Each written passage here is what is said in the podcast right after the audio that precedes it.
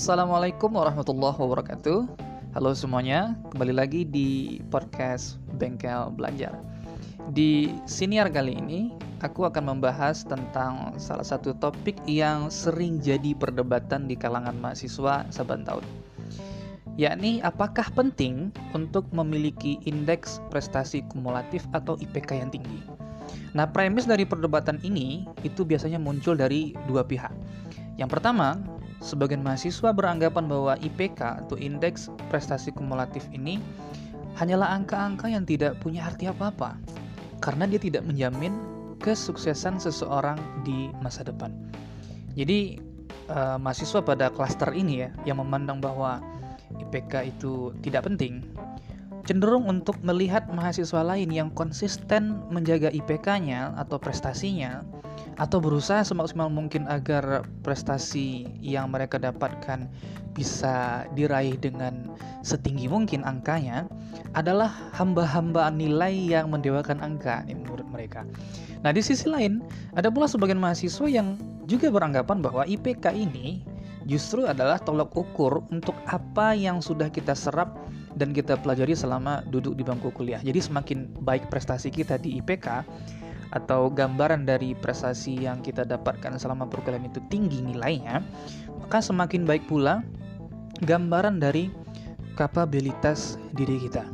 Artinya, e, cara mudah untuk melihat apakah seseorang itu sudah cukup skill atau belum, kompeten atau tidak dengan bidangnya itu bisa dilihat dari indeks prestasi kumulatif. Dan biasanya ini ya, eh, orang-orang yang berada pada klaster ini atau menganggap IPK itu penting, cenderung melihat mahasiswa yang yang yang yang tidak peduli dengan soal IPK tadi atau yang mengatakan uh, itu orang-orang yang terlalu mendewakan angka-angka itu adalah hamba-hamba nilai gitu. Mereka menganggap bahwa orang-orang yang berpendapat demikian biasanya adalah para pecundang yang mencari-cari alasan ketika gagal. Jadi maksudnya kalau seandainya ya mereka gagal karena IPK-nya lebih rendah dibandingkan dengan teman-temannya, ya sudah tinggal akui kegagalan. Kemudian tidak perlu menyebutkan bahwa IPK yang bagus itu tidak penting atau orang-orang yang IPK-nya bagus sebagai hamba nilai gitu.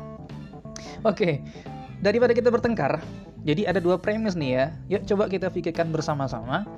E, sebagai mahasiswa, apakah penting untuk memiliki indeks prestasi kumulatif yang tinggi tersebut? nah, menurut aku, jawabannya adalah bisa ya, bisa tidak. Nah, coba kita bahas dulu satu persatu, dimulai dari kenapa punya IPK yang tinggi itu penting buat mahasiswa. Nah, kalau kesannya kita baca definisi dari indeks prestasi kumulatif itu sendiri atau IPK, bahwa IPK itu adalah gambaran dari keseluruhan hasil belajar mahasiswa selama mengikuti pembelajaran atau perkuliahan. Ini berarti IPK ini menjadi cara termudah untuk melihat apakah kita sebagai sumber daya manusia yang diolah lewat proses pendidikan di bangku perguruan tinggi itu sudah sesuai dengan target yang diinginkan atau belum. Kapabilitas kita ada pada angka berapa? Sehingga cara termudah untuk melihat apakah seseorang sudah kompeten atau belum, eh, seberapa tinggi skillnya, ya dilihat dari IPK tersebut. Maka dalam hal ini, IPK yang tinggi itu justru menjadi hal yang sangat penting karena menjadi acuan untuk mengukur sudah seberapa banyak dan sudah seberapa mahir kita dengan satu skill tertentu. Jadi uh, poin pertama yang membuat IPK tinggi ini penting adalah supaya kita bisa tahu kualitas kita sebaik apa terkait dengan studi yang kita geluti atau yang kita pelajari di perguruan tinggi. Nah, namun sering kali hal ini ditanggapi dengan sebuah pertanyaan berbentuk semi pernyataan. Misalnya, uh, aku sering dengar itu uh, mahasiswa lain yang kasih respon dengan kalimat tapi bang itu kan cuma teori. IPK itu kan cuma eh, nilai-nilai yang terdiri dari teori-teori aja gitu. Hanya di dalam kelas aja gitu.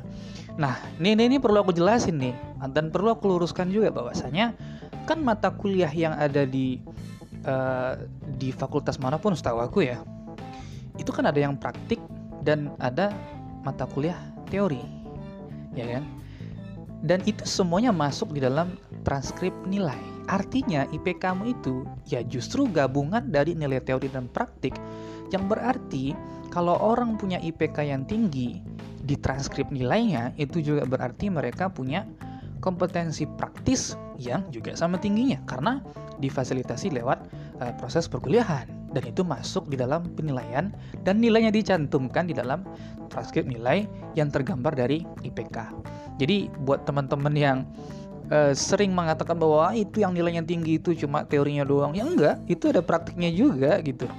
Ya, terutama kalau aneh sendiri kan uh, dulu kuliah di program studi pendidikan agama Islam dan itu ada mata kuliah micro teaching, ada mata kuliah uh, apa namanya uh, metodologi pembelajaran itu praktik ya. Kemudian juga ada PPL dan itu PPL masuk di dalam uh, transkrip nilai dan itu menjadi salah satu uh, input yang mempengaruhi indeks prestasi kumulatif kita. Jadi di sana udah ada teori dan praktiknya sekalian gitu. Nah, selanjutnya di setiap lembaga pendidikan mana pun ada yang namanya standar lulusan dan salah satu acuan yang digunakan oleh eh, lembaga-lembaga uh, pendidikan ini dalam menentukan standar lulusan itu biasanya adalah IPK kamu. Dengan IPK kamu yang tinggi, maka kamu akan punya kredit sebagai lulusan dengan kriteria terbaik yang tentunya akan membuat kamu seksi dong di mata orang-orang dan institusi yang siap menawarkan lowongan kerja. Jadi hal ini dikarenakan IPK itu kan dilega, di, dilegalisasi oleh kampusmu sebagai institusi resmi yang secara berkesadaran memberikan angka tersebut yang tercantum di IPK. Nah, ini artinya IPK yang tinggi adalah kesempatan untuk branding, ya. Jadi memangnya kamu mau minta statement dari siapa kalau seandainya bukan dari kampusmu bahwa kamu memang kompeten dalam menguasai bidang yang kamu geluti itu saat berkuliah di perguruan tinggi selain dari gambaran IP kamu. Nah, ini artinya IPK yang tinggi menjadi sangat penting karena uh, akan memberikan uh, akan membantu kamu untuk dapat kredit yang positif ya terkait kompetensi kamu, terkait uh, kecakapan kamu dengan suatu bidang atau keterampilan tertentu. Nah, itu yang poin penting kedua kenapa IPK yang tinggi itu menjadi sangat penting buat kita semua. Nah, yang ketiga, IPK yang tinggi itu menjadi penting ketika kamu melakukan semua kewajibanmu sebagai mahasiswa sebaik mungkin. Kamu belajarnya serius, mengerjakan tugasnya serius, aktif dalam diskusi, kemudian rajin mengasah skill dan sebagainya. Artinya, IPK itu menjadi bayaran sekaligus bukti dari kesungguhan kamu dalam belajar dan mengasah kemampuan diri tersebut.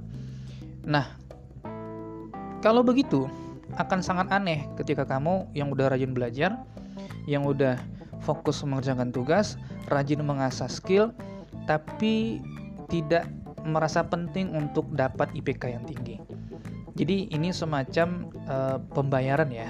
Ini semacam reward yang kamu dapatkan atas apa yang sudah kamu lakukan untuk menguasai uh, kompetensi kompetensi tertentu di perkuliahan dan juga itu menjadi bukti bahwa kamu emang benar-benar serius ataupun sungguh-sungguh dalam belajar dan mengasah kemampuan kamu atau kompetensi kamu. Nah, selain itu, kamu juga akan fokus dengan studi kamu sebab banyak mahasiswa yang kuliah pada akhirnya malah sibuk dengan hal-hal di luar studinya. Dan artinya IPK yang tinggi ini bentuk dan bukti tanggung jawab kamu terhadap pilihan diri sendiri kenapa dulu mau kuliah di sini. Dan tentunya bentuk tanggung jawab kamu terhadap orang tua. Nih kalau seandainya kuliah kamu dibiayain oleh orang tua. Nah sebab misalnya nih kalau kamu kuliah di bidang teknik tapi malah sibuk dengan kegiatan mendaki gunung. Dan bingung nih ketika ditanya soal jenis beton. Apa-apa aja ya. Terus kamu dapat IPK yang rendah. Ya gimana kan? Itu nggak nggak serak aja. Jadi dengan IPK kamu yang yang tinggi itu berarti kamu emang benar-benar serius aja. Itu tanda bahwa kamu emang benar-benar belajar fokus berjuang mati-matian untuk studi kamu. Nah ini tentunya menjadi alasan kenapa IPK yang tinggi itu menjadi sangat penting Nah sekarang mari kita bahas kenapa IPK yang tinggi justru tidaklah penting. Artinya kita bahas sekarang dari sisi kebalikannya. Nah, alasan yang pertama adalah kalau prestasimu selama kuliah itu didapatkan dari hasil menyontek atau berbuat curang selama kuliah, entah plagiasi dalam pengerjaan tugas, nyontek saat ujian, menjilat dosen dan sebagainya, termasuk bagian teman-teman yang mengupas skripsi, maka IPK yang tinggi ia menjadi nggak penting. Kenapa? Karena yang kamu dapatkan itu tidaklah mencerminkan siapa diri kamu sebenarnya dan bagaimana kualitasmu yang sebenarnya dalam bidang yang kamu geluti di perguruan tinggi. Kamu intinya adalah tidak bisa bertanggung jawab dengan angka yang sudah kamu dapatkan. Jadi punya IPK yang tinggi kalau seandainya dari nyontek, eh, plagiasi, ya jilat dosen dan segala macamnya itu ya menjadi nggak penting kan punya IPK yang tinggi. Buat apa punya IPK tinggi kalau seandainya hasil dari yang nggak benar-benar tadi ya kan? Dari hasil yang tidak jujur misalnya. Nah itu yang pertama. Alasan kenapa IPK yang tinggi justru menjadi nggak penting. Ya yang kedua IPK yang tinggi tidaklah penting kalau kamu hanya fokus dengan apa yang terjadi di dalam kelas atau hanya fokus dengan apa yang ingin kamu dapatkan di dalam kelas saja. Nah, sedangkan sebagai mahasiswa, kamu harus mau untuk mengembangkan banyak keterampilan seperti komunikasi, problem solving, menjalin relasi dengan banyak pihak, peka dengan situasi sosial, dan lain sebagainya. Dan masalahnya itu nggak bisa kamu dapatkan dengan hanya fokus belajar di dalam kelas atau fokus belajar uh, mengejar target angka atau hanya konsentrasi mengumpulkan pengalaman dan ilmu di dalam kampus. Nah, artinya apalah gunanya nilai yang tinggi tadi kalau seandainya kamu uh, tidak punya kemampuan-kemampuan yang aku sebutkan tadi seperti tidak mampu berkomunikasi, tidak punya kemampuan untuk memecahkan masalah. Karena semuanya itu didapatkan tidak hanya di dalam kelas tapi juga di luar kelas. Nah, ini aku sampaikan uh, bahwa IPK yang tinggi itu menjadi tidak penting karena output yang ataupun tujuan dari kalimat yang aku maksudkan ini adalah bahwasanya di dunia kerja itu yang kita butuhkan bukan hanya sekedar IPK kamu yang tinggi.